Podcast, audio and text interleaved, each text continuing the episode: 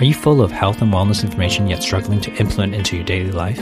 Or do you have your health sorted out but struggling to integrate it with your other areas of your life? We've surveyed a number of Wellness Couch fans and recognize that this is the biggest challenge that most of you face in daily life. How do you turn your knowledge into action in a lifestyle?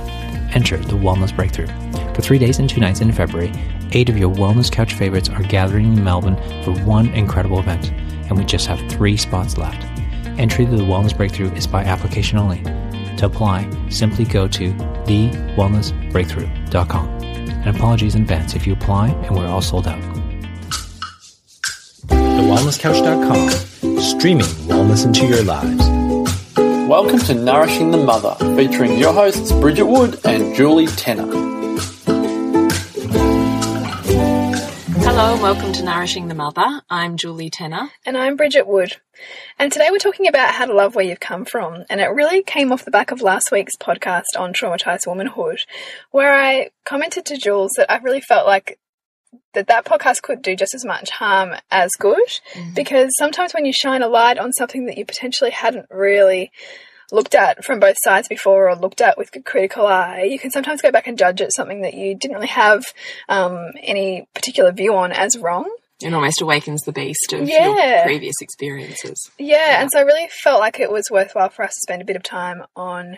Which also serves because if it awakens a latent pain and yes. gives it insight and therefore a moment of connection that you can heal, yes. that's entirely valid. Absolutely, and and sometimes it's it's that feeling of oh okay, hang on, there's emotion there. Yeah, that's an indication that there's some healing to be done. So yes. it, it's perfect, and and we want we want that too. But we didn't want to leave leave you. it with, with that. Yes. Yeah. Yes.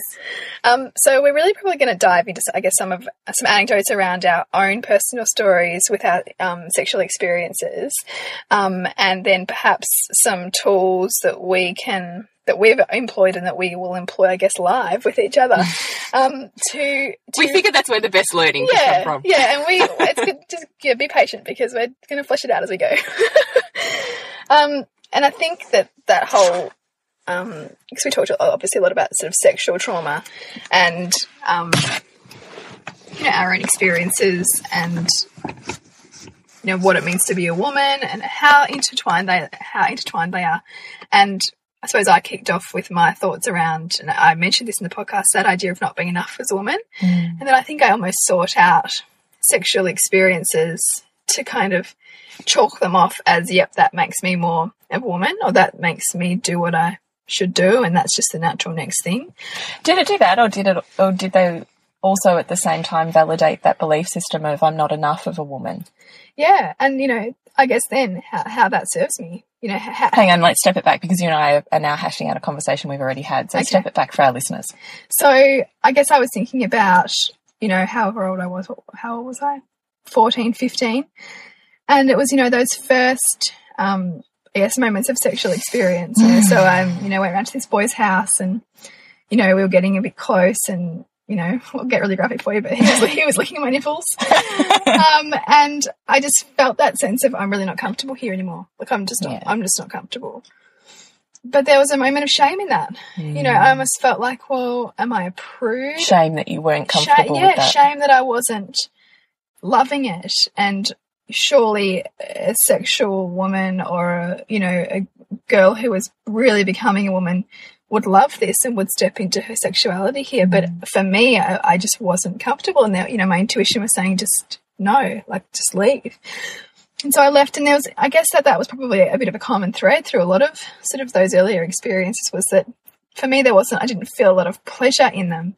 It was more like what you did you know and that was influenced by, you know, the magazines that I read, the kind of people that I hung out with. And I think it was for me seeking validation, you know, seeking validation in the eyes of a man in terms of being desired. Like that if I did some of those things, that then I'd be desired as a woman and mm. um, I would measure up. But there, it was almost, there was an emptiness in there for me. And, you know, there's another experience of, you know, I guess things that you judge yourself as, oh, I should like this but I didn't really like it, or it just didn't really do anything for me. And then you, you, I was spiraling into that. Oh, who am I? Like, you know, how can how can I not like this? What's wrong with me? Mm-hmm. You know, and then I'm sure, you know, if we had Google back in those days, it would have been Googling, why don't I like this? Or what's wrong with me as a woman? You know, all that kind of stuff. Um, and so. But for you, what the core of that is, is what you were saying was your story in your younger years was your disconnection, or your journey has been your disconnection from your feminine, rediscovering yeah. what that is, because there was such a disconnect between emotion and sex, which a lot of women mm. do. We separate mm. the two. And I wonder what at what point that that is born at. You know, and I would say probably it's quite young. It's it's early childhood. Yeah. Um, for whatever reason, maybe it's because you know your parents didn't model healthy sexuality for you. You didn't really have a reference for what it meant. You know, I think for me, a lot of it was would have been my Catholic upbringing. I was going to say, as a culture, which is what I think we talked about last week in the Vagina podcast. Naomi Wolf even touches on mm. that. Is this concept of we've almost segmented sexuality from the other roles that we play. Yeah. There's our sexual self and then there's the mother, the wife, the worker. That totally they're not integrated as a whole. Yeah. Um, there's this great quote by Naomi Wolf again. I know I'm a bit on her bandwagon at the moment, but I just think it's relevant, so I'm just going to read it. The sexual revolutionaries of the 1960s, including advocates for adult material such as Hugh Hefner and Al Goldstein, represented porn to us as a great social radicalizer. But a nation of masturbating people who are looking at screens rather than at one another, who are consuming sex like any other product, and who are rewiring their brains to find less and less abandon and joy in the arms of another, and to bond more and more with pixels, is a subjugated, not a liberated population. Mm. The model of the feminist vulva and vagina, joined eventually by pornography's elaboration of this model, was the one that was formative for women of my generation. The vagina and vulva were primarily understood as mediating sexual pleasure. What was important was technique, one's own master masturbatory technique, and the skills one taught to a partner. Feminists and pornographers alike defined the vagina and vulva in terms of the mechanisms of orgasm. But while technique is important, this model leaves a great deal out of the meaning of the vagina and vulva. It leaves out the connections to the vagina of spirituality and poetry, art and mysticism, and the context of a relationship in which orgasm may or may not be taking place. It certainly leaves behind the larger questions of the quality of a masturbating woman's relationship to herself. And it goes on, but essentially what it's talking about is that connection to the emotion, to the deeper, um, the deeper joy and and um, sexual excitement that is not necessarily physical, mm. which is mm. what you're talking about. Yeah, it really talks to that, and and I guess that hits the nail on the head. You know, for me too, is that you know my reference point was outside of myself. It yes, was, it was what the Dolly or Girlfriend magazine was saying, or the Cleo, or the and that's where porno pornography and that sexual revolution did not serve us. Yeah, because it almost separated sexuality. That this is what it was to be an empowered sexual woman. Yeah but it left out, it's such a male version of that, that it left out what is actually the most orgasmic part of a woman's life is mm. the, the mental, emotional aspect of orgasm, mm. which is actually where the gold is for rendering the extended massive orgasm, right? Yeah, which I've got to read that book. I know you've really got to read that yeah. book.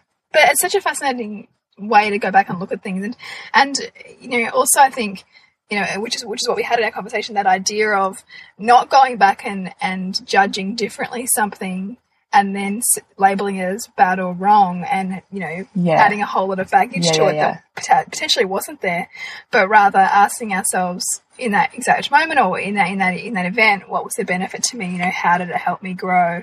Um, so maybe we'll talk about that because that came off of. So we'll talk about. Well, do you want to break yours apart? So you were saying, hang on, let's work it back. So you were saying there were, you can see your formative sexual years as almost um, ingraining in you a separation or a shut off between emotion because you almost has to shut your awkward emotions off mm. to allow yourself to be sexual because that's what you needed to do. Yes. Right? Yeah. So you're almost in a way training yourself and your body that in order to be a woman and in order to have sexual experiences, I shut off the feelings that I have, which mm. are this isn't okay, this is hitting a boundary, I'm not feeling good here, mm. you shut off that part mm. in order to do that act. Yeah. Right? Yeah. But then that's been the wiring that's been your journey of trying to uncover that to then have a more meaningful life with a partner that you love. Yeah.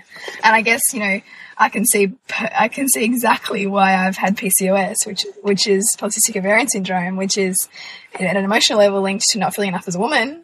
Like tick tick tick. It all just kind of builds yeah, on the other, doesn't it? absolutely. And you know that that's really been my whole journey in the last probably six or seven years has been to uncover a way of you know healing that mm.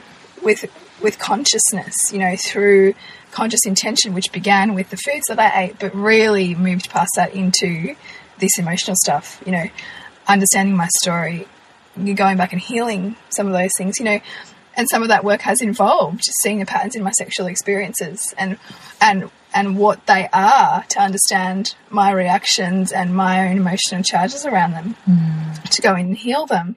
You know, part of that, because part of my challenge was I, rem I remember going back I think when I was 18 or 19, saying to my GP, like, I just can't orgasm. Like, I just haven't been able to orgasm. Mm. You know, my GP saying, oh, just have a few drinks and just help you relax. Thanks, good old GP. Oh my God. is that the best we can do for our young women in yeah. this culture? Yeah, and you know, there's another time I read this book, this wonderful book called Taking Charge of Your Fertility, and I was just like, oh my god, I'm 25 reading a book that I should have read when I was 13. Yeah. You know, and it was all about understanding your cycles, you know, and, you know, but yeah, what do we do? We give girls tampons and pads and go, here you go, you know, chuck them on the pill at 16. That's what happened to me. You know, and and it's just a, I guess, a process of what I see as dissociating with our very essence of the you know that who we are as women. Mm. You know, so when you say you've done the work and you've gone back, can you sort of break those tools down a bit? So when you're looking at how do I reconnect, like because you were coming at it from a fertility perspective with yeah. PCOS, yes. that disconnection of the emotional, the feminine for you yeah. from your woman sexual self, yeah. is how do you start to put those pieces back together? Um, well, I think I think it's still a process, and even this conversation makes me realise that there's still things that I'm uncomfortable about, or things that. I haven't gone mm. back and fully looked at, and you know, I guess equilibrated for myself. Um, but the big thing for me was was exploring my body and getting comfortable mm. with looking at myself in the mirror, which is what we talked about a couple of weeks ago. Yeah. Um, and learning how to pleasure myself, which I'd never done before. Mm. You know? And were the layers of emotion for you to work through before you could get to the physical act of that? Um, no, there there weren't really. It was more just a trust, more more just kind of a, a willingness and, a, and an openness in myself to to take that time out and find the privacy that I needed to to do that with myself. But I didn't, I haven't felt like that there's been an overwhelming sense of emotion coming out of it. I think because I haven't really necessarily judged myself particularly like harshly for my experiences. I, I see them as form, form as part of my formative years, and I think we all have something that we might go back and cringe at because, mm. of course, with wisdom, you go back and go, why did I do that? But you know, it was perfect for you then. That was where you were at. But you starting that process of reconnecting with your body on your own yeah has allowed you on a psychological and emotional level to start reconnecting with your intuition, which is what you shut down. Yes. When you started your sexual life, yeah, right? Yeah. I mean, my intuition was always there, but it wouldn't have been there in that area. So it wasn't there. Yes. In that that sexual you know, and part of it has been more more comfortable, you know, developing more of a confidence in talking in speaking up about what I like and don't like. Yeah, you know, I think it's the boundaries. Yeah, yeah, and and instead of just going with something, instead of going asking myself what would I really love in this moment and feeling into That's my discomforts. Powerful. You know, because I think so so much, particularly you know, and definitely growing up Catholic, and you know, my mum was the youngest of twelve. She was really, really um, kind of you know Catholicized mm. Um, in terms of repression and all those kinds of things. And it was better for me, but it was I was still very much operating within a family and a you know culture. ancestral culture of you know just get on with it, kind of you know fire and brimstone, you know good, bad, right, wrong, mm. God mm. stuff. Mm. Um, and that's absolutely how I probably governed myself, you know. And which also look back on our historical feminine archetypes podcast with yeah. Elle Griffin because that really unpacks that. It's fascinating. Yeah, one. yeah. Um, and so, so, so much of it, yeah, is looking at those things. And even when I feel feelings come up, um, going, okay, well, where, where's that coming from? You know, because I think even for me, it, it transformed from the subordination to Catholicism and, and authority, like my mother, and it, then transformed once I became more feminist into, you know, not wanting to be objectified, you know, and confusing the lines between, you know, playing with my husband and then the idea of, oh, he's objectifying me, Mm. which might have then been another tool that I used to shut off, you know, to not go into the emotions that I didn't want to feel around my sexual history. Mm. We're very, very clever. We'll do what we can to avoid things that we don't want to feel. And so, at different for different ages, for me, it was different, different techniques I would have used to not want to feel those things. Yeah, to continue that pattern of shutting it off because there's almost too big a backlog there Yeah. to start that process of awakening yeah, it. yeah, And I think it's ongoing, you know. And I think for most of us would have some kind of story Oh, around our you know, sexual experiences. So back on your benefits twist, because this is what I really love about the work that you do. Yeah. Is um, can you just talk a little bit? Maybe the background that you said to me before was this is why when we were talking about our podcast on trauma last week was you were saying this is why it's so hard with the industry of psychology is we're often so stuck in our trauma Yeah. for years. That's right. So, so much of that kind of therapy will take you back. Um, and I think, you know, people will say, oh, don't go into childhood, don't go into childhood stuff because, you know, it's been and gone. Well, it's not because you're still living it, living it out. Yes. But, you know, standard psychology will often go back. And, you know, you might spend two fucking years going through your childhood with a psychologist and running the story. And, you know, you might have Oh, previously. poor you. You had terrible parents. Can't believe that happened to you. Yeah, oh, you all of thing. that, which all that does is reaffirm So not you, right. reaffirms you as a victim. When in fact, you know, in your childhood, you actually got everything you needed. You know, you got both support and challenge. You're never without both. And yes, there might have been, you know, some, um, you know, traumatic experiences or some, some, you know, enormous challenges that you overcome. But as long as you, but they also they act, they act as as forming you or molding Yes. you with the skill set that you need for whatever it is or wherever you are right now. That's right. And so, you know, you can either continue to run the story of being a victim of those experiences and judging your parents, or you can instead go back and ask yourself, you know, of that of that thing that I label as so terrible, what were the benefits in that to me? You know, and and you can continue to ask yourself the benefits of that until you feel a sense of a shift in your physiology, so that you know you've you've you've, you've balanced it. Because you, know, You almost have that moment of angels singing, "Oh my gosh, that was so perfect." I'm almost kind of happy I went through that because I totally see how now I have this skill set or now I'm this person because of that or in spite of that. That's right. You know, and like life's not supposed to be some linear, sweet road to you know success. It has those dips and those those troughs and those highs and those lows. That's the learning. and those different experiences that can sometimes be terrible, but that over time we develop wisdom from.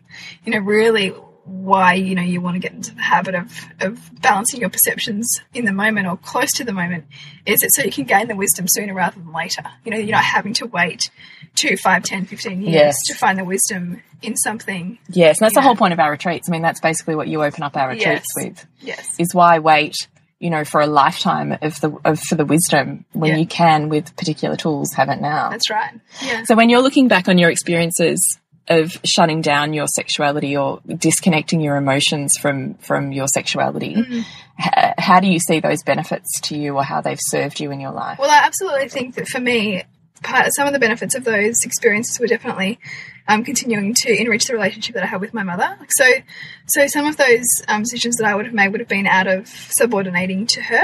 Um, and you know, when we learn about how we subordinate as people, we can judge it and we can say, "Oh no, I don't want to subordinate to anybody." But our subordination and by subordinate you mean follow their list of ideals yes, or rules inject their values into you and live your life by theirs. And you know, so we can judge that and say it's wrong, but in fact, you know, that for me in that in that time of my life really helped me to cement a really rich connection with with with my mother, which I still have today. You know, and it really um, helped to guide me. So you know, while I might judge that you know maybe I didn't do things I really wanted to do, or, or I didn't feel into you know the emotion of why I wasn't wanting to experience those sexual things. Potentially, I almost I also kept myself a little bit safer, you know, mm. because I was stopping myself before I felt truly comfortable in things because of what my mother might have thought. Well, how did that keep me safe? Mm. You know, did, mm. did that help um, guide me away from you know some potentially more traumatic experiences by having that you know those rules that I was living by in inverted commas? Um, I think it you know gave me more every time that, that my intuition kicked in and told me I'm not comfortable doing this, it gave me more of a sense of trust in myself and more of a sense of conviction that I don't care what people think I wasn't comfortable with that and I'm sticking to that. You know, it started to build my own reserve of um, confidence in myself in some roundabout way, you know. Mm. Um, what are some other benefits? You know, looking back, obviously the benefits have been that it's absolutely, you know, every one of those little experiences was giving me more fire to choose a path of awakening Mm. You know, to go to understand as opposed to the bigger the polarization got, the bigger the quest became. Almost, yeah, you know, yeah. the bigger the, that void, mm. the the more it drove my value of that of mm. having more awareness, and you know, perhaps you know, I unconsciously knew that that there was this was a pattern that I was creating, and that therefore, you know, when I got diagnosed with PCOS, you know, I I almost knew it. I knew intuitively it wasn't just about like stuff just doesn't happen to us. We don't just manifest physiological symptoms for no apparent reason. You know, there was a reason why, and I was determined to understand what that was. You know, and had I not had those experiences, which may or may not have already manifested or it may have manifested before that, mm. you know, I, I, wouldn't have been put on that path to understand what those meant. Mm. So, and so, what's the benefit to you, or back then, not anymore, because there's a certain point where some of those patterns stop serving us, and that's the point when we are ready to change yeah, them. Yeah. So, early on you, what was the benefit to you of separating sex and emotion? Um, it would have kept me more studious.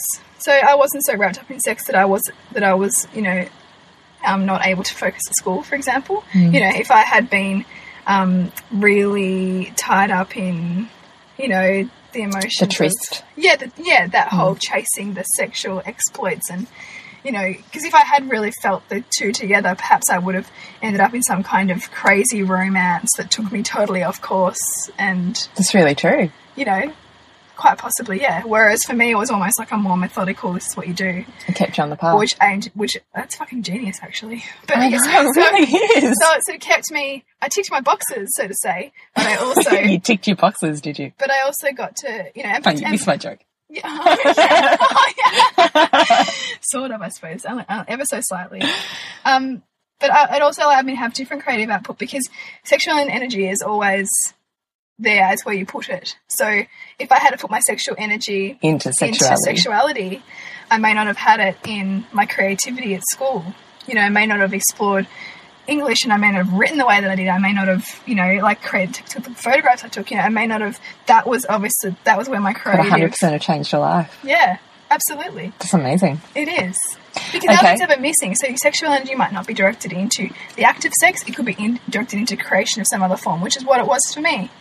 It was creation of. That is 100% genius. Mm. Oh, well done, young Bridget. Yeah. But, but, we all have that. You know, that, that, yeah, yeah. we, we are we are so if we can if we can actually go back and have reverence for who we are in any moment and the decisions we make we would have nothing but love for ourselves nothing but love mm. you know mm. and we only ever get glimpses but what you want to have is giving yourself more opportunity to have more of those glimpses mm. to find more of that wisdom and what about what are the benefits of you of shutting down or disconnecting or switching off from your feminine mm. well when you're out not in your, we, we know your feminine is a bit more passive, it's a bit more go with the flow, it's a bit more um, centered and a bit more creation focused. Your masculine's all about doing, getting stuff done. And so, you know, achieving, moving achieving, forward. moving forward, all of those things. And so that definitely helped me in my schooling, you know, mm. in, in those, in those years. Um, it helped me in my early twenties to kind of keep a job going and study and pay a mortgage and all those things, you know, mm. that absolutely helped me you know, I've got a friend who. Were you a less emotional teenager, as in less emotionally volatile? My mum wouldn't. My mum wouldn't say that. Your mum wouldn't say that. um, I don't. Th- I wasn't crazy emotional volatile. I did a lot of stuff that I'm kind of proud of, but that most parents would hate. You know. But I'm really glad because I also think that all those things had to happen for me to be ready to settle down when I was 18. You know, like mm. I met my husband when I was 18. Did you really? I didn't know that. Yeah. But I'd had like a crazy couple of years before that. Mm which I'm really glad that I had. Mm. You know, um, so no, I just think I was a normal teenager. I don't think I was any more volatile. but of course, it has to go somewhere. Like where, where you're shutting up emotion somewhere, it's going to come out. Mm. And it probably did come out in terms of. I just wondered if in, in shutting off your feminine a little bit, if it kept you more in the masculine, more rational, more linear, more, you know. Yeah, I think I was pretty rational. Mm. Yeah. Yeah. I was, and I was pretty like, you know, I knew what I was doing, where focused. I was going, pretty focused. So it absolutely served me. Until it didn't. So Until at what point right. was the PCOS diagnosis when you realised it no longer served you? Yeah. Yeah, and I did, but I didn't really understand fully then what that meant. But it told me something had to change. It told me that I wasn't where I wanted to be. And so, when did you start having the epiphanies about drawing back the lines of your sexuality and your feminine? When did you start having those? God, relatively recently, a couple of years. Mm. A couple of years. I think. I think it probably would have. It was more clear when you know, it would have even been like after doing all the right things and eating all the right foods, for example. Mm. But nothing was changing. And that's why I knew there had to be, the deep work had to be done. That there was more there. It wasn't mm. simply just what I'm eating. It was far bigger than that. And that was when I understood that that there was deeper emotional work. I, th I, mean, I think ultimately becoming a parent was absolutely like, wow, I've got some shit to deal with, kind of. Yeah. You know, scenario. And I think because I had such a strong intention to do that consciously, particularly after having had a miscarriage when I had my son, which was, you know, perfect now that I can see it, mm. because it gave me that intention that I wanted to have mm. as a parent, mm. which then meant that the courses I took, you know, the studies that I did, altered the course of that. That's right. Mm. Yeah. Look so, back on our miscarriage podcast. Yeah, our miscarriage podcast is a, is a um, yeah, interesting one. So when you're talking about when we did last week's podcast on the traumatized woman and we brought this up, do you feel like there's tools in this for those women? Yeah, I think there is. I think I think it's just trying to take a um, I guess a broader perspective. So rather than going in and judging in that exact moment whatever experience is happening to you, stepping feeling the emotion because you cannot heal what you can't feel. You know, there's, a, there's a, emotions are there as feedback to you um, filling into those, but rather than simply labeling and blaming and victimizing yourself, which actually can just distance yourself from yourself further because making the problem outside of you or judging it as a problem first of all. Um, I would instead suggest, you know, in, in the moment of whatever it was that happened, you know, what were the benefits to you? Mm. You know, and that I mean, depending on what the situation is, you know, that could that could come across as quite offensive. You know, how dare you say that there can be benefits in whatever. But there's a process to getting to that, though. There it's is. not just Bridget. Here's my question, and bang! Now I have the healing. Yeah. There's there is um, layers of questioning and, and, and, and, you know, and awakening moments. Absolutely, and particularly if the event is is is highly traumatic, it's likely not going to be something that you can heal on your own. You know, you're going to need somebody to ask you these questions and to know how to follow your language. And to hold your space through hold that. your space and, and yeah hold your space and, and, certainly ask the right questions because you know our language gives away so much. Even the way that we talk often you know when we talk to people it's our subconscious talking. So you know if you have a trained facilitator in this work who understands how to tap into your language and get to the get to the root then that's where immense healing can come so, you know, if you ask somebody in that situation, you can certainly get in touch and like, I can put you in contact with some really great facilitators in this area who mm. can help you. Because, I mean, I've done lots and lots of work with lots of different facilitators and I've had some profound realizations as a result of those of those that work and it can be challenging work because you're being asked to confront the very things that you have sometimes spent decades burying or forming yourself around. Yeah, or kind of dodging. Yeah, Do dodging or forming yourself around, or becoming attached to as well. Mm. Sometimes we become we don't realize how attached we can become to our stories because mm. they they form part of who we are. And uh, look, I do also think though, if you're not quite ready to jump in, but you feel like you've got some stuff there that you really want to start awakening or shifting, mm. our retreat that's coming up on March 5th and 6th is also the place to do yeah. that. Yeah, that's right. Yeah. Because we do walk you through those steps. Mm. And this time we've split it over two afternoons so that we have a lot more time to sit in and learn from our individual stories. Yeah.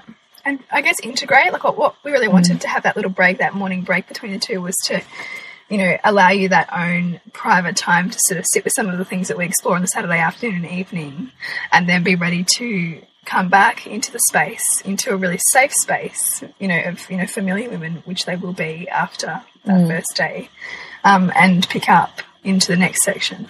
Yeah, definitely. Mm. So, Jules, now I really want to explore your own story, you know, in your formative years, because I know it is different to my own and hopefully will resonate with, you know, other people who are listening. Yeah, it's quite funny actually, because it's almost the polar opposite, which is kind of totally perfect, yeah, isn't it? Yeah. And it wasn't until we did the traumatized vagina, oh, not traumatized vagina, traumatized womanhood podcast that I started to do. That's how we got onto this topic conversation. Because yeah. I tried to leap backwards and I went, oh my God, I've just realized the trauma I inflicted on my own vagina by choosing certain situations. Yeah. Or choosing not to exit other situations. Yeah. In my formative years was I actually inadvertently trying to disconnect or fuck myself in the head mm. by, well, that's quite funny, fucking myself somewhere else. Sorry, it's not funny at all. It's really not funny, but it is. We, but we also use humour uncomfortable things, don't we? That's so true. Look at me. I've become giggly. Mm. There clearly is some shit there. yeah.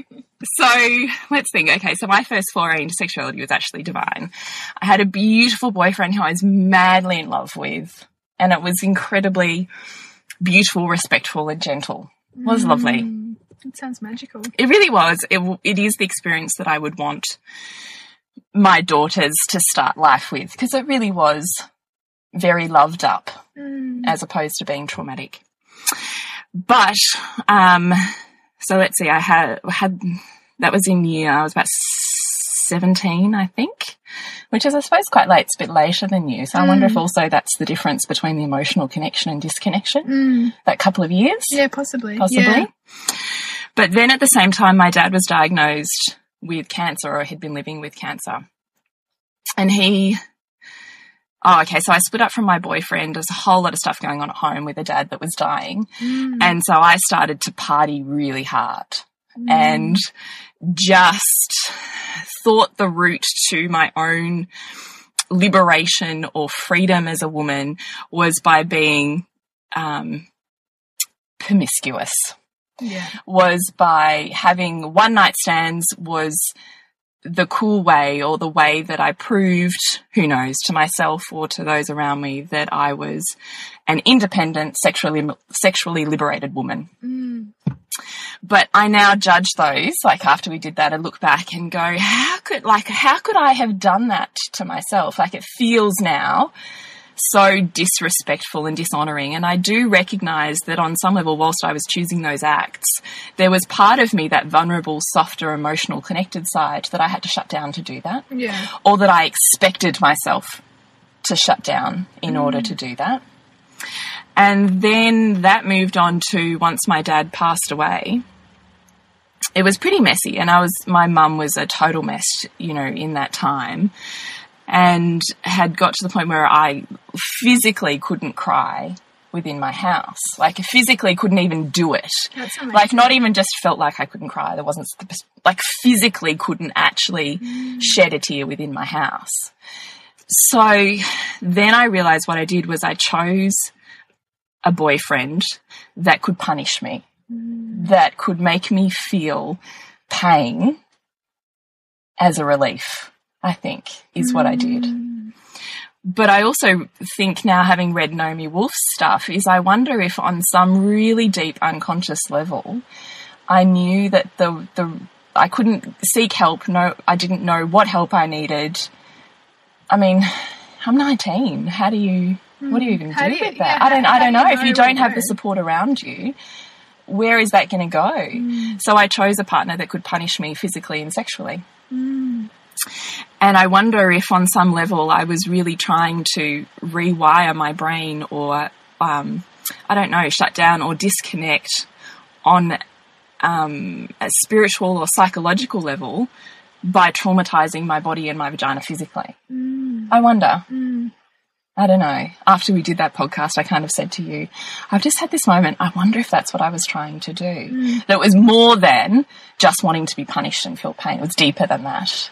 Yeah, well, there would have been some driver, you know, as a result of losing your dad that you almost felt like you needed, you know, in some way, some kind of strange, almost cleanse from that, but in a, in a, almost aggressive way. Yes. You know, it's what it sounds like. Yes. And was 100% overpowered. Mm. So I wonder also if I needed so the power feeling, shift. So you were feeling really underpowered at that time in your life and you were seeking somebody to come in Yeah, I wonder if but but more than that, that I was overly controlled because because my mother was who she was and the way that she handled the trauma of my dad when he was diagnosed and I was, I don't know, 14 or 15, it was like overnight I lost, in inverted commas, two parents. They kind of evaporated emotionally. Yeah. yeah.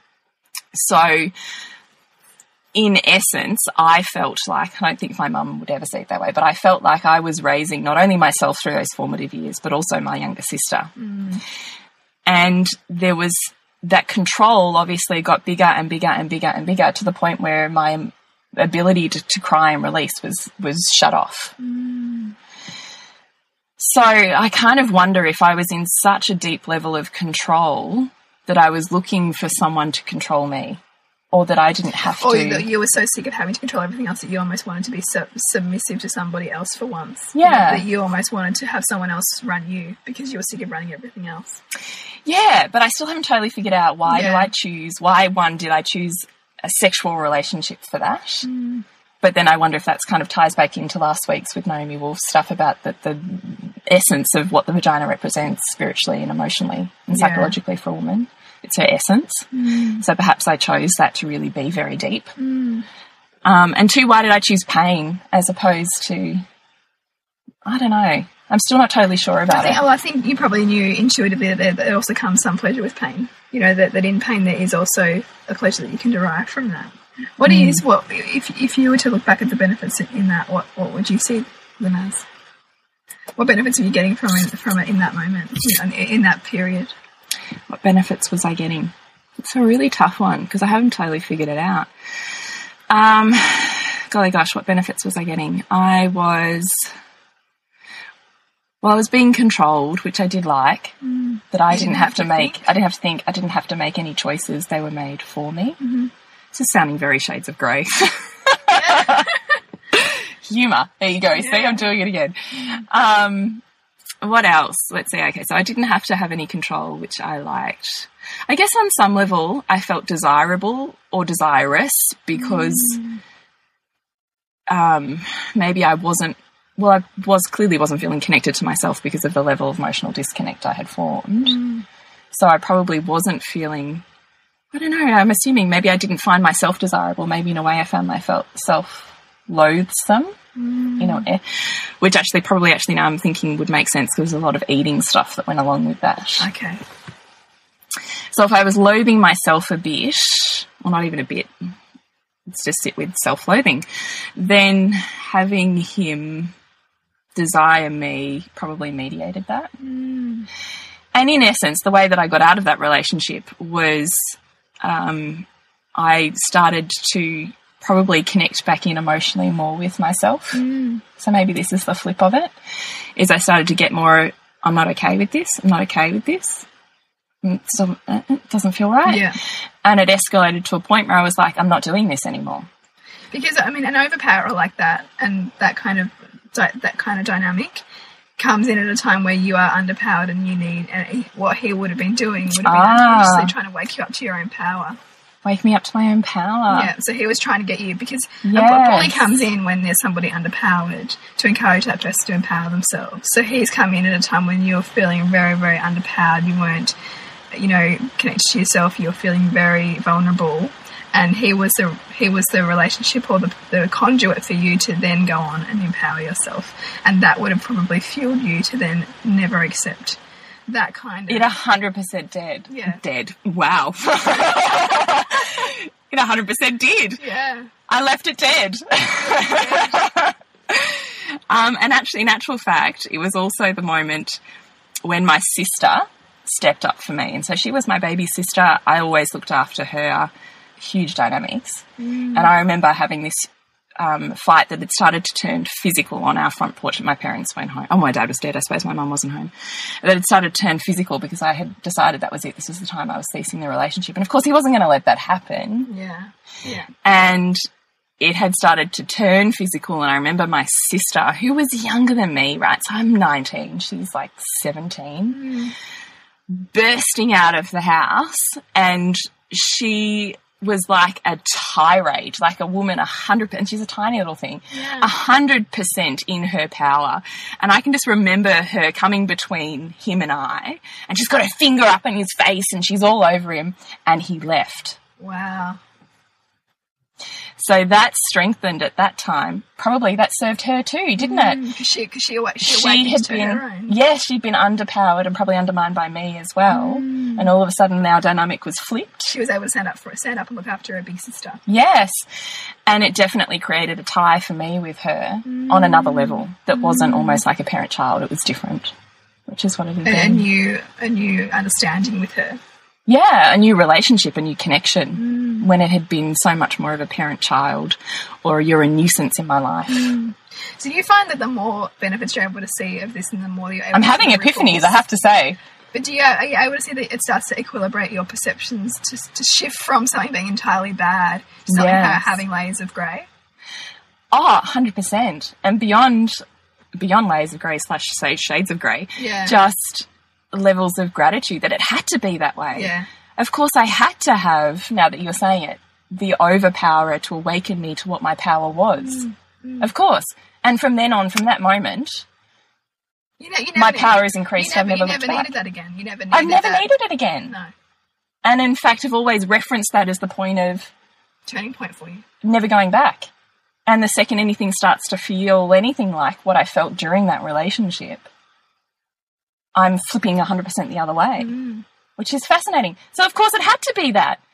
So, in the end, I have to be grateful for the fact that that came into my Could you life. always say thank you to him? I really think I could. Mm. Actually, well, maybe I need to do a little bit more work, but no, I'm pretty, Yeah. I would say I'm 80% there Mm. from saying I'm actually really grateful that I went through that with you. Mm. It's powerful, isn't it? It's really powerful. And how much more powerful as opposed to sitting there and going, oh, poor me, and, you know, how are you feeling in that situation? Like, how much more powerful to actually go, universally, that's so powerful that I called that into my life. Mm.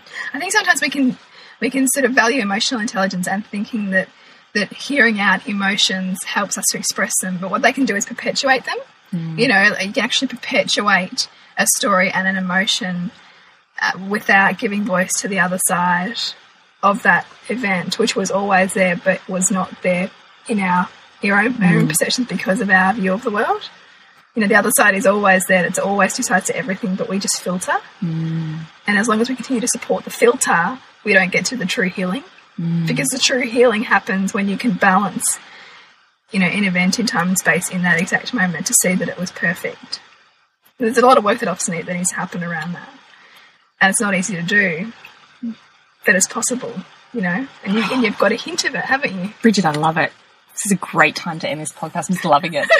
I'm loving it. Come to our retreat, then we can love it together. Yes. So please connect with us on Facebook, Nourishing the Mother. Please rate us on iTunes or share our podcast with your friends if they're really speaking to you or have awakened something in you. We would love to hear about it. Mm. Private message or Facebook post would be amazing. And if you have any topic suggestions, please let us know because we would definitely love to to awaken whatever is needing to be awakened within your life. yes. So we'll see you next week when we continue to peel back the layers on your mothering journey. We hope you enjoyed this Wellness Couch podcast brought to you by Audible. Do you find that you just don't have time to read all the awesome books that you hear mentioned on the Wellness Couch? Well, Audible might just have the answer. Audible is offering the Wellness Couch listeners a free audiobook download with a free 30-day trial to give you the opportunity to check out their service.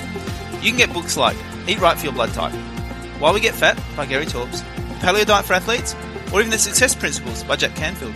So to download your free audiobook today, go to audibletrial.com forward slash the wellness couch. Again, that's audibletrial.com forward slash the wellness couch for your free audiobook.